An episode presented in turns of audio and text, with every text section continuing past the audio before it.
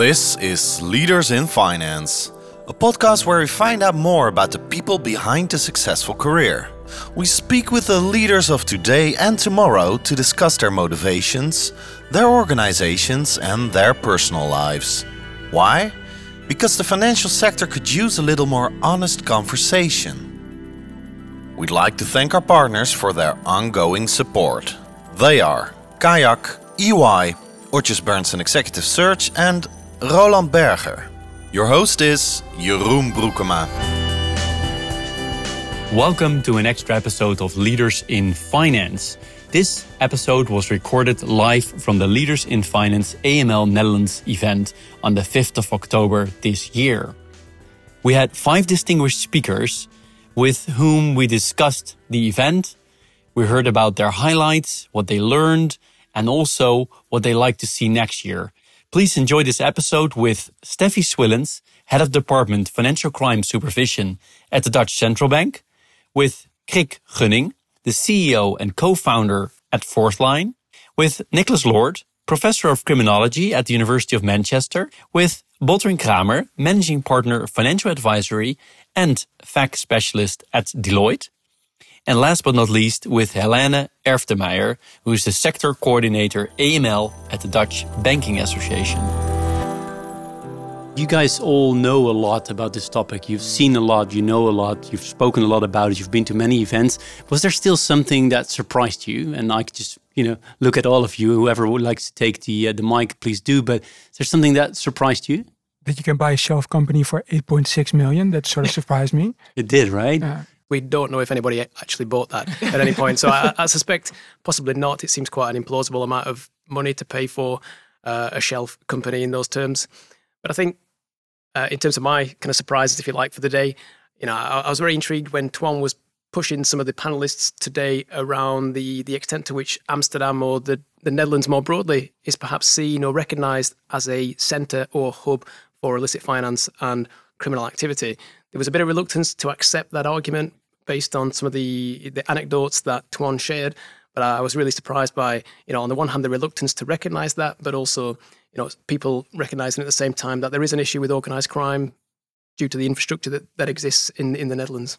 Yeah, and building on that, Nicholas, um, even having experienced and, and seeing the several cases that we do, just having the police here connecting um, the explosions that we've recently seen increased in, in Dutch City, directly linking that to money laundering, that was still something to hear.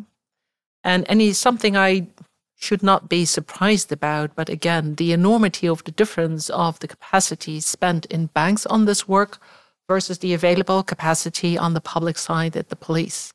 That this balance is still there. And though that should not be a surprise, again, it was very up in our face again today. Yeah, because maybe we could say you know the numbers, obviously. We all know the numbers, but if people tell you about it and you feel the emotion, is that basically what you're saying? Yes. Right. Okay. that's a great point. I mean, if you talk about money laundering for a lot of us, or I should say people in the room, it's about financial transactions, it's sort of paper trails. But I think what um, the police did today is to focus on the extreme violence, on the predicate offenses, and how messy crime is. So um, every now and then, I think it, it's great to highlight money laundering is not just a transaction via banks, right? It, it, it's a lot more than that. What it represents.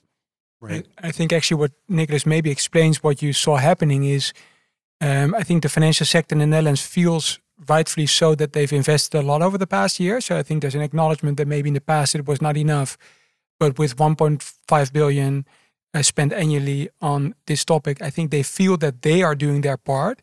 Um, I, I, think if you look at it um, with sort of through foreign lens, which was the discussion, then I think the Netherlands is a bit naive on the other side of the equation. So sort of what is our general attitude towards organized crime, towards drugs, and do we as a society have a um, let's say aligned vision? And I think that is that's what you saw happening. I think we're naive on one side. The pushback came f- from the banks, which I think are not naive at all and have invested quite heavily.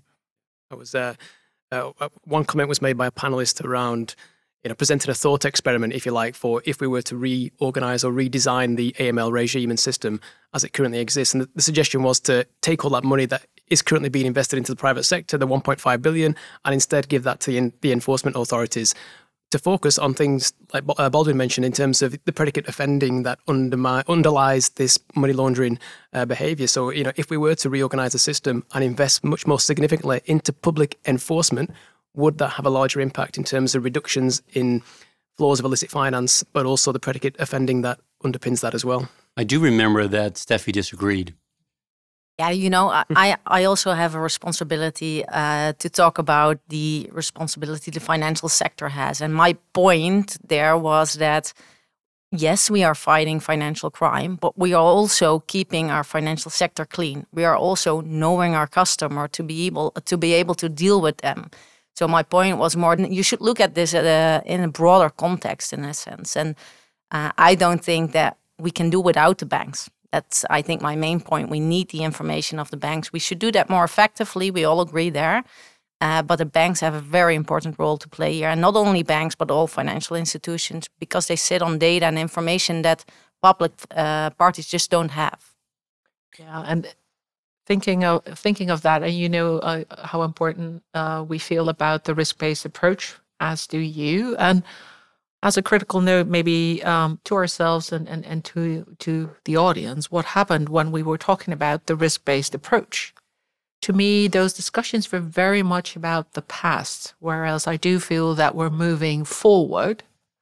But that might be one of the challenges that we commonly face to actually do that. Because looking at the discussion today was mainly about what happened in the past, whereas we need to take this forward to do this work really risk based and make a difference in the effectiveness. I, I couldn't agree more uh, with you there because uh, I, I truly think we could spend another three or four years talking and dwelling about the past and uh, being very unhappy with how we came here or what could have gone uh, gone better. But there's a, tremendous amount of, of uh, um, possibility here to really you know, make a step forward and to start focusing and having the real discussions. Uh, and but that takes a bit of guts uh, from all of us, but also from the from the banks involved to really dare to have that discussion. And I think, well, we opened that discussion, uh, but it's still very much on paper, uh, and now it has to be put in practice. Because during the day we had a keynote speech by Jim Lee, the uh, head of the uh, IRS Criminal Investigations uh, Unit. We had uh, Nicholas, who is with us now, uh, as a keynote speaker at the end of the day. And during during the two keynotes, I mean, in between, I should say, we had uh, a cash panel, a panel on risk-based approach, and a panel on tech slash AI. So I'd love to run through the three panels, not to rehearse the whole panel because then you should have come to the conference, but uh, just to get a bit of a flavor per um, per different uh, panel. So first of all, uh, Baldwin, you were on the cash panel. Yes. Um, you were there with the police. You were there with DNB and with um, a bank. Yeah. So yeah. So go ahead. No, I think just the um, as I recall the discussion. So a couple of things. So first of all, if you talk about risks, in every risk assessment or national risk assessment, cash is flagged as one of the big money laundering risks in the Netherlands. So, and then with the question that that Nick sort of brought up again. So, if you would organize this country around to counter the risk of cash, I think we recognize that the banks do have a role, but would not be number one to put into position on the board, right? Because cash actually is pretty easy to detect, and criminals are very vulnerable in that stage, specifically in the Netherlands, where a lot of cases originated by narcotics. And a lot of court cases establish that cash with a weak explanation will be seized, right? So typically, what the police also mentioned that criminals have their typical ways to move country out of, of the cash out of the country by hawala, underground banking, and at some stage it may come back again via trade-based money laundering, but it's not no longer cash. So more, much more difficult for the banks to recognize. So cash is tough. So what do we do um, in the Netherlands? So first of all, I mean, we I would say even on the European Union, we stopped issuing the 500 euro note, right? So it's still in circulation, but gradually it's going to fade out. That's a good thing because mostly use of the 500 euro note is, uh, is criminals. that's established. Um, and at the same time, there's this specifically around the police mentioned there's so much cash being used by criminals just by purchase of luxury goods in certain areas of big cities. Um, and that stinks. Um, stings in a sense that banks have to report everything, but it seems that if you buy like nice suits or whatever you do, um, there's a discussion about the limit of cash you can use, but it's 3,000 euro, 5,000 euro reporting duties, just to make sure as a society we are resilient against the impact of criminal money. And that specifically for cash is very difficult because if you own like a small business and a criminal comes in with a lot of money, what are you going to do? Right. And, and, and banks have been in this domain for years and have very effective controls. But where it's still difficult is in all the uh, other gatekeepers, actually. Well, so, maybe not all of them are even gatekeepers yet right? So, but it's a valid point, I would say. What I also found very interesting from the panel, but correct me if I, I got that wrong, but that cash is also often used in a criminal career. So if you're not a big criminal, you start maybe with cash, and if you become bigger, you do it in other ways, or it comes, as you said, it comes well, back in I mean, other ways. That I mean, there's some studies that the criminal career, if you will, typically is about getting a lot of cash and then buying something abroad, so it's out of sight, and then collecting cash just to spend on luxury stuff, vacations, whatever you do. But at some stage in the criminal career, maybe you get like a family or you want to buy a house, and then things get complicated because you need to launder it or at least have some sort of reason why you have a lot of money. So I think also when a lot of criminal careers, if you track them, you would see the need for laundering increase. Eh, they get older and better, right? But some of them would still be in cash phase for all of their lives and never have like any reason to do a lot of bank accounts, eh? specifically if they move abroad and be done with the Netherlands. Yeah. So uh, on the panel was the central bank as well, not Steffi yep. because she's on the supervisory side of the bank, but more the central bank role uh, and explaining why cash is still very important for the system for vulnerable people uh, as a backup system when when all tech goes down and etc. But I still want to ask you, Steffi, uh, within the bank, is there also a lot of discussion because I guess you're more on the crime fighting side and she's more on the central yeah. bank role here. Yeah, for sure. I mean, and that's one of the nicest thing about working at, the Dutch Central Bank. It's it's uh, a mini society by itself. We have all these different hats. So we have a, a lot of discussions uh, and are, there are a lot of different perspectives on things. But that's actually what I liked a lot about this panel because it's very healthy to sometimes step out of your little bubble. You know, we are all in this room busy with fighting crime and uh, looking at what, what we can do to do that better. But there are side effects, right? And we have a lot of discussions going on about de-risking, about indeed uh, vulnerable uh, people in society who actually depend on cash. Uh, so I, I thought it was very healthy to have to bring that discussion within this domain, so that we can realize, you know, taking uh, measures that may sound easy, like let's just you know stop with cash or the you know, push all uh, banknotes of 50 and more out out the door that can impact a lot of people who are just you know living their life and doing doing the things they need to do. So uh, it's good to to bring in more perspective, and I think that was what uh, was happening in that panel. Do banks actually either either Baldwin or Helena? Do banks actually have an opinion on this, or is this more? Uh, and you're not maybe specifically focused on cash, but um, is this something that's just relatively neutral for banks, or do banks also prefer to uh, phase out cash, or at least the big the big banknotes like the 100, 200, and 500? Oh, uh, I can truly imagine that any 500 note might be reason for questioning. But I do see that there's a group of people who depend on cash, and with the upcoming obligation to accept cash in, in retail stores, we have to have a thought of that. And my preference would be if that could be combined with the maximum amount of cash for a transaction, whether it be in goods or services. I think that would be sufficient enough to mitigate money laundering risks, but also make sure that more vulnerable people and that cash keeps um, a legitimate way of doing your business. And I wondered if just look at the people around the table if we get that obligation to accept cash in any retail place Would I spend more cash or start using more cash than I do today? Probably not. Wouldn't change a thing. So, in those cases where we would see an increase in cash, for sure that would raise questions. By the way, I tried to get a 500 uh, banknotes for Twan Huys, the moderator of the day, was I didn't find one. I didn't want to go too deep into you know certain parts of the economy to get one, and 200 didn't work out either. And I, I did have a hundred from from you know during the winter people go skiing. You you often get a hundred banknotes as a as a Dutch person, uh, but it's really hard to get. By the way, to get these uh, these banknotes. You're listening to Leaders in Finance with Jeroen Broekema.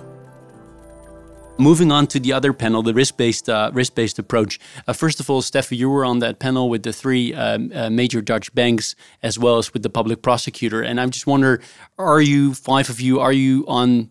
You know, generally speaking, are you aligned? Yeah, I think we are. I mean, we started in a panel, of course, with with the um, report that we published a year ago uh, from uh, recovery to balance, and I think we have been talking a lot uh, over the last year to you know really converge our thinking and to really start to understand what do we really mean with the risk-based approach what is needed to get there. And i truly feel of course we have different perspectives and a different role to play but i truly feel that we have a joint goal that we are working towards. Um, but the pers- perspective is different and i think what what came out of that panel maybe uh, it wasn't uh, explicit enough but we should understand that the public prosecutor is mainly looking in a in a rearview mirror, right? They are looking at things that you know happened years ago, and they need time to work things up. And we have the luxury as supervisor to also do that, but also look in in the front mirror and to look, okay, where do we go and what do we want to achieve together?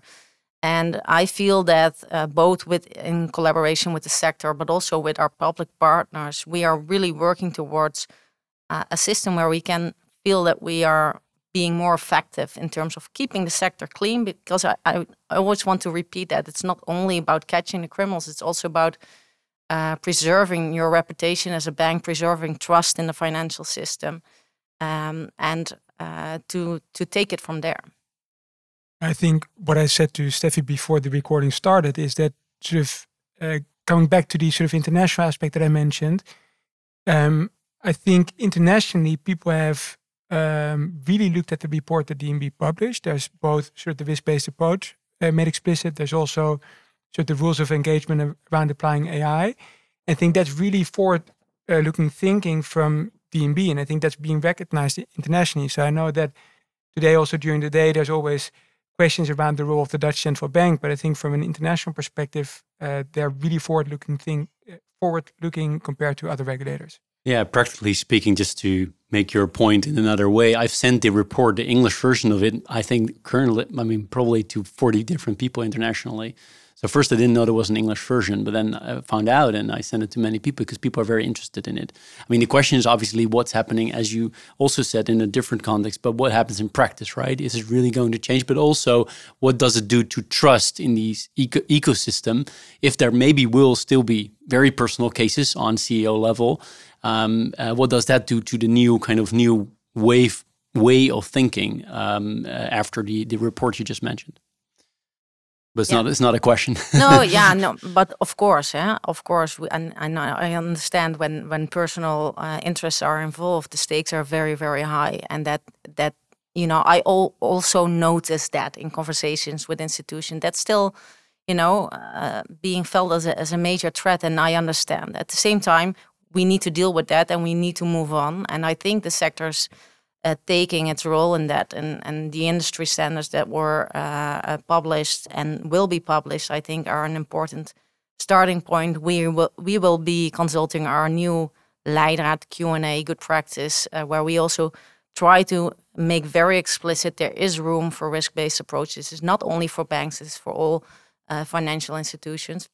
And now we will need to dare to take that into practice and have discussions on what is then risk based and what is high, what is low risk.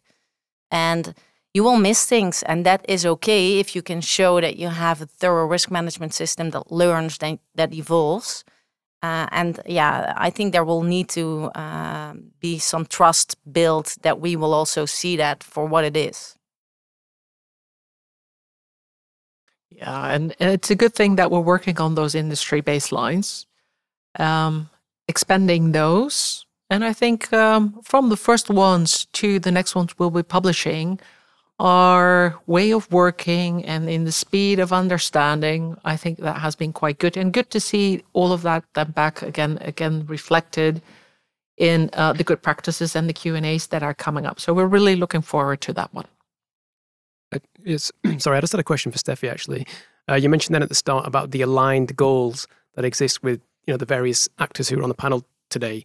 And you know, what would you say those goals or objectives are? Is it about being compliant with the law, or is it more about trying to reduce levels of money laundering and illicit finance, or is it a bit a bit of both?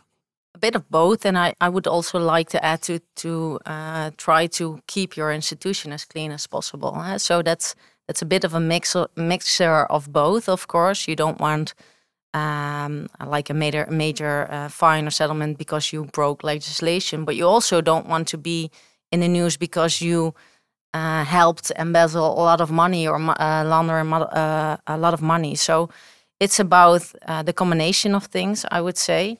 But in the end, I think we're now uh, talking about okay, how can we make this more effective? And I think that's the micro goal within the higher goal. How can we do this better uh, than we have been doing so far? Yes, and I see the point on on keeping the system clean and the importance of that. But while we're doing these things, let's not forget these are banks servicing their customers. And I think that was one of the takeaways today as well. Let's make sure that the work that we do here, that we keep that customer perspective as well. What is this to our customers? And how does it hamper or how does it enhance the journey that we do with our customers? That is good to have more attention as well. We heard that in the keynote of Tom Lone talking about his research among the KYC analysts. So, customer perspective, that's why banks are there. And I think that's a super important point to make. And I think it's also, in my view, time to shift the narrative a little bit because it's been very much um, focused on the role as gatekeeper and basically keeping the bad guys out. Whereas that's a super small percentage of the client base. And I think what we sometimes forget is that a lot of the tools that are available, both from a tech perspective and from a regulatory perspective, are also about protecting the customer. It's about protecting your identity, protecting your savings. And I think we start shifting the narrative and make it a joint effort of the regulator, the bank, and the client to actually think about it in that way, that would be a really positive win. That's a great segue into the third panel, which was on AI. And I think it was you, Krik, yourself that made this point around what do you share with your bank and what do you share with uh, one of the giant American tech companies, let's say Facebook or Google? Can you make that point again because I found it interesting? Yes, I think there's always a lot of concern, specifically in um, the area of fighting financial crime around privacy and what does it actually mean. Um, and in general, people um, claim that their banks are over asking for information, uh, which I fail to understand because uh, if I were to ask you who uh, should have access to your savings account and whether that should be Jeroen, someone who looks like Jeroen, or every person on the internet, I pretty much know what your answer is going to be. Um, and if you accept that fact, you also accept that privacy in relation to your bank account shouldn't be a topic. You don't want privacy. And if you compare then the reluctance of sharing information that would help protect your account to the abundance of information sharing with big tech, where people have zero trouble to upload pictures with themselves, their friends, their family, their home, their location.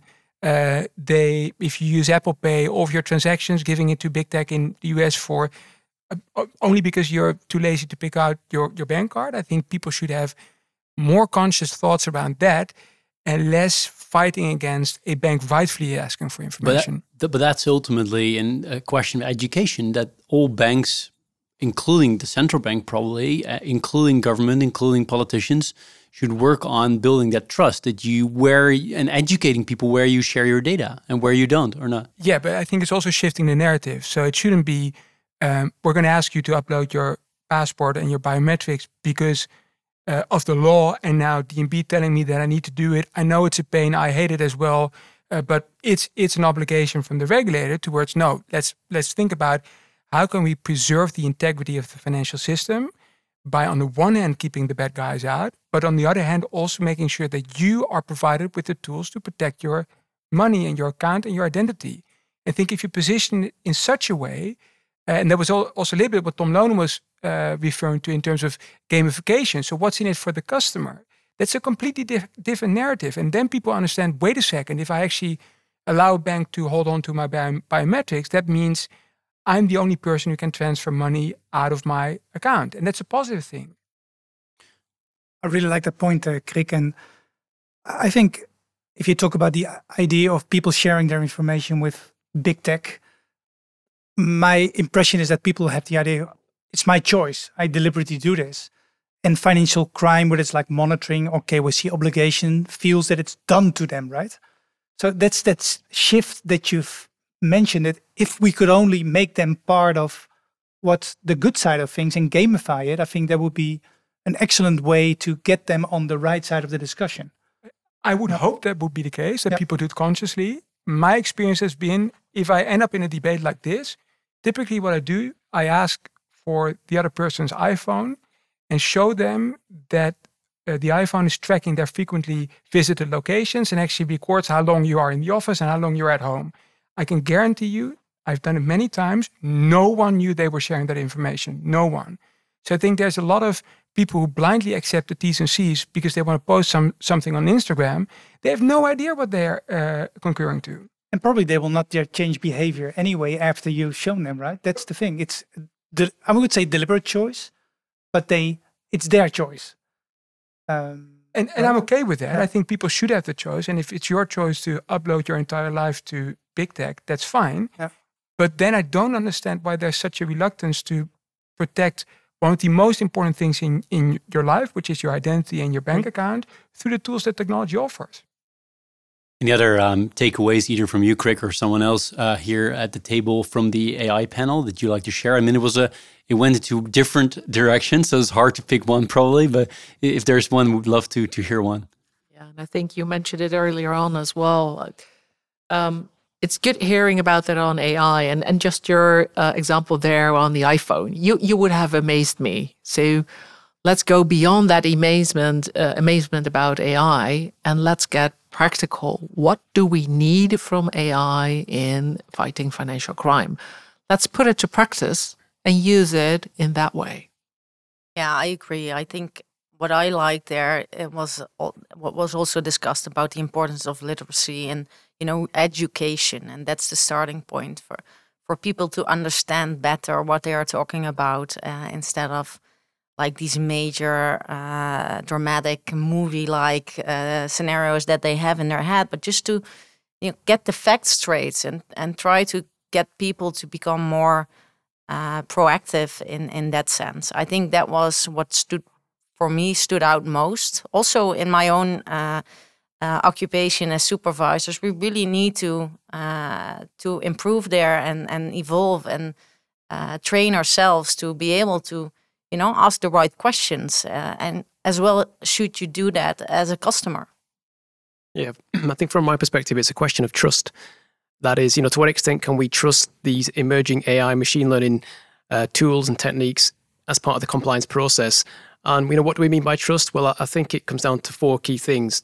First, to what extent can we recognize that these tools are competent? So competence, you know, do they do what they say they will do? You know, second, verification. To what extent can we verify that the outcomes of these tools and their use is accurate and reflects reality?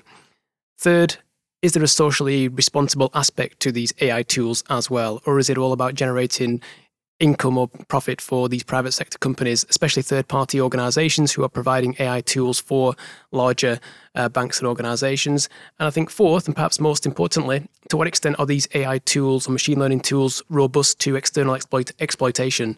That is, is there a risk that they can be accessed by third party malicious actors for criminal behaviors or other unscrupulous ideas, and so on. So if we can try and build or remove barriers to trust in AI tools and other forms of technology, we can go a long way to introducing AI into the compliance field.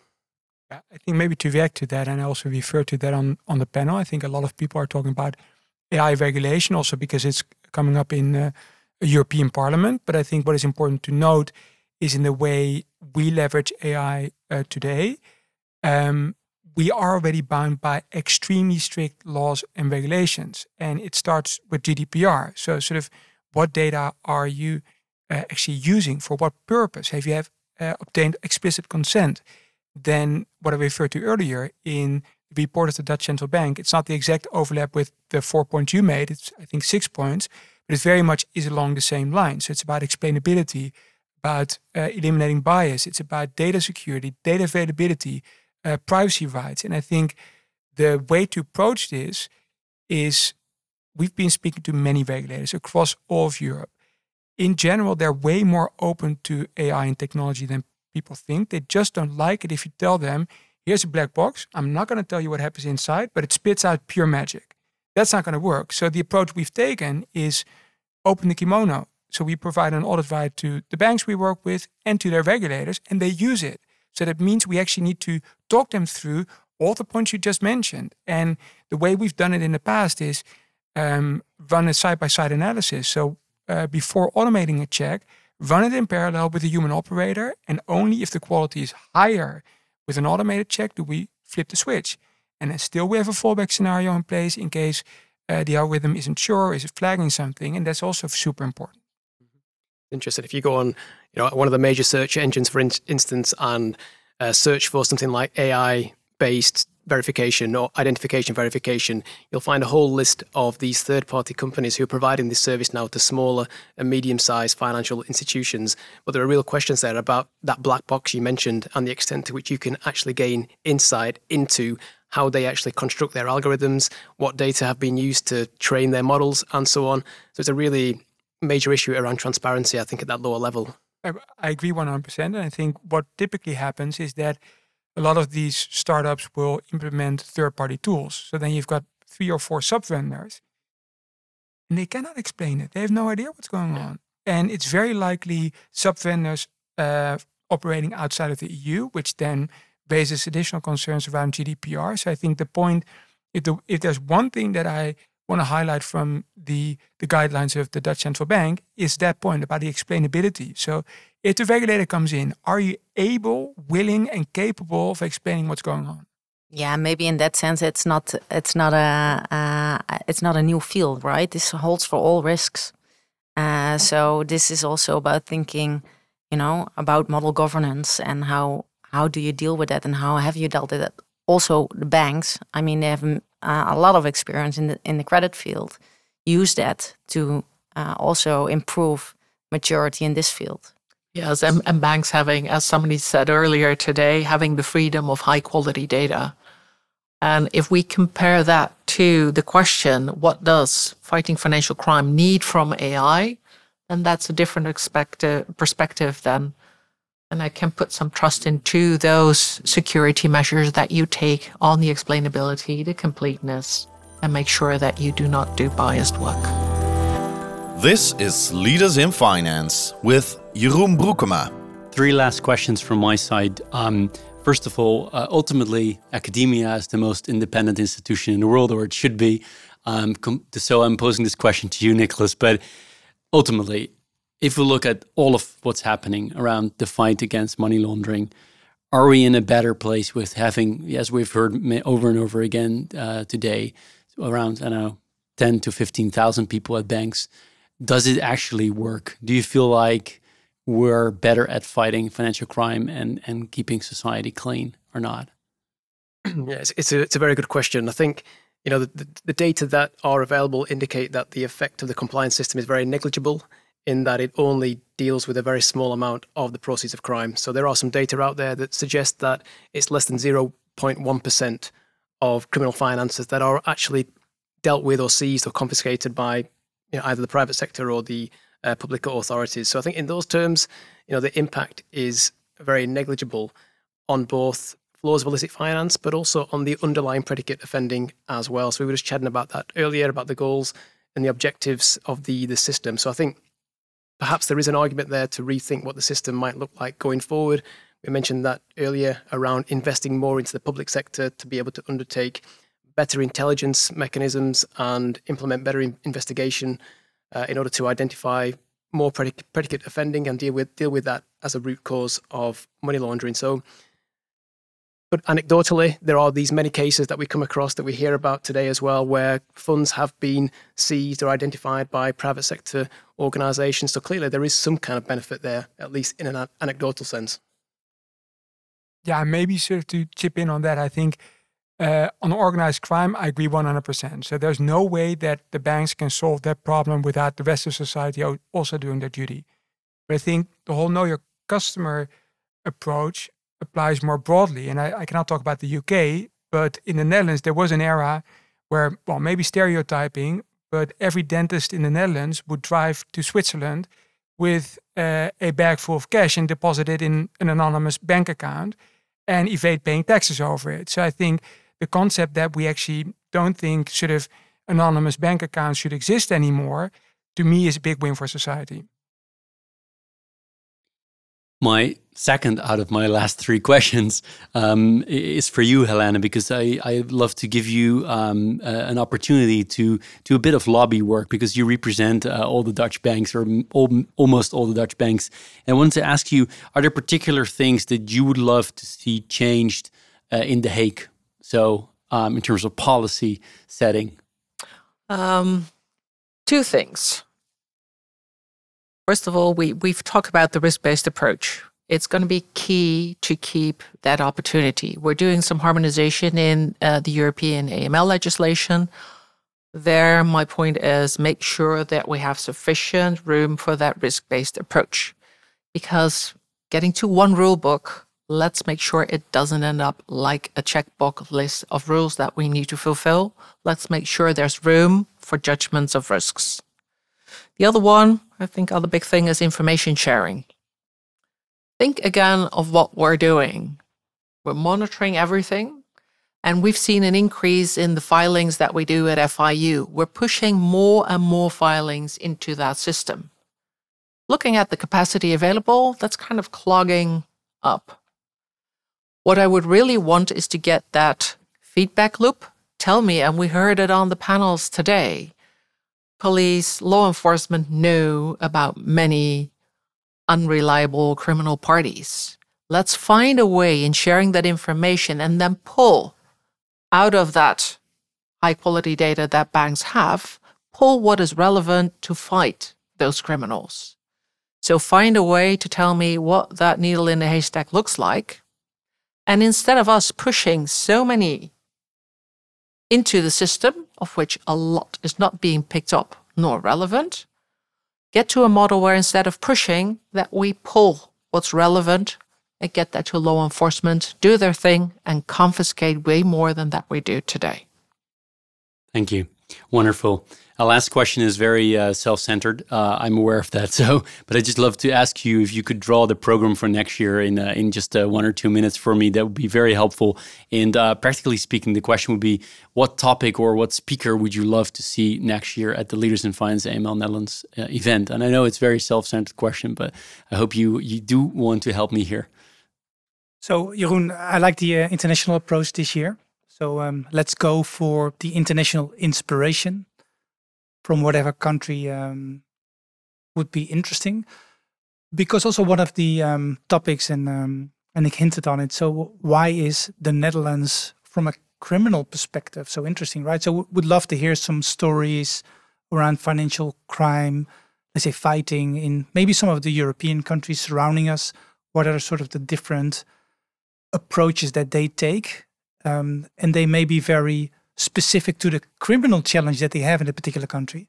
But that would be really interesting. Also, if you or, uh, hear um, Jim talk about training his agents more and more in tracing like digital assets, um, sort of get a feel for volume, right? Because we talk a lot about it.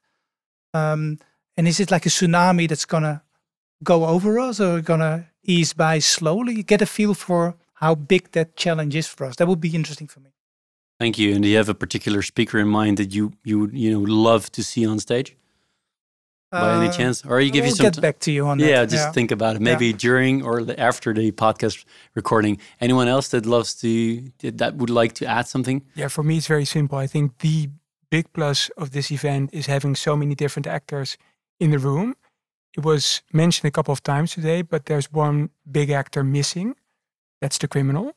And there must be a money launderer that has uh, done his time, is back in society, and is willing to share some juicy stories with us that we can learn from. Yeah, uh, that will be a very easy task for me. Thank you. to find one that's also willing to talk. Yeah, and we, we, we heard some successes today, and some of the successes that we heard from the US also deal with virtual currencies. So, banks having their traditional payment rails, security of those type of payment rails being important as well. So, what if we would take one of those successful cases? There has a criminal been convicted. There must be a way to interview that criminal and just have them uh, give the rundown on what they did and how they did that. Since they're already convicted, would be interested to hear, even though it might be old news and them uh, trying now to do new stuff. But I'd love to hear that. I mean, I think that's a great idea to try and incentivize a criminal to participate next you year. You get a lot of votes, Krik, with your point. Uh, yeah, yeah I'm, uh, I'm, becoming nervous here. I think you know from a from a research perspective, we, we know quite a bit now about anti-money laundering. That is the compliance side of things. We know much less about actual money laundering uh, from research, the research side of things. So if we can gain insight from somebody who's been there, involved, I think that would be very rich and and beneficial for the for the group.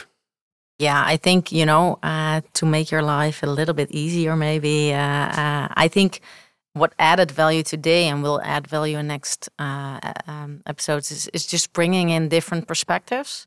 Uh, and of course, a criminal then is an important one, but it's maybe a difficult one. Although you might be able to find a journalist or whomever who wrote a book about somebody who knows just about as much, uh, that might be easier. But I, I, was personally also thinking about maybe let's bring in the customer perspective. Uh, this is this is also uh, about how the general public um, is affected and experiences it that could that could also be, I think, a new um, perspective. That I think anything that brings us out of our little bubble can can help to uh, to in, yeah increase the quality of the discussion that we have. Wonderful. Yeah, I would also love to myself to have more um, uh, government or policymakers, lawmakers involved. Uh, although it's always hard to um, you know to get actual opinions, but if you get them, that would be great because ultimately that's where law is made, right? I think one of the lessons is is that that interaction between the different party works. And looking at some of the work that we've done for the not-for-profit sector, that only worked because we had the not-for-profit organizations, the supervisor, and banks at the table. And that goes internationally as well. There is a global NPO coalition and actually uh, the Financial Action Task Force reviewing their recommendation 8 on NPOs, taking that into account of that valuable engagement that we had, getting to a better place. Thanks a lot for giving uh, me uh, loads of very interesting things to uh, to to ponder about for uh, next year's edition. Um, but even more so, thank you for taking the time to spend so much time with Leaders in Finance today during the conference as well as during this podcast recording. Uh, Steffie Schwillens, head of the Department of Financial Crime Supervision at the Dutch Central Bank, Krik Gunning, CEO and co-founder at Fourthline, Nicholas Lord, professor of criminology at the University of Manchester, Baldwin Kramer, managing partner financial advisory at Deloitte. And last but not least, Helène Erftemeijer, Sector Coordinator AML at the Dutch Banking Association. Thank you all so much. And uh, listeners, thanks a lot for listening and see you next time. You've been listening to Leaders in Finance. We hope you've enjoyed the episode and would love to hear from you. What's in your mind? Who would you like to hear next? Tell us in an Apple or Google review via email or our social media channels. We'd greatly appreciate it. Finally, we'd like to thank our partners for their ongoing support. They are Kayak, EY, Odgers Berndtson Executive Search, and Roland Berger. Thank you for listening.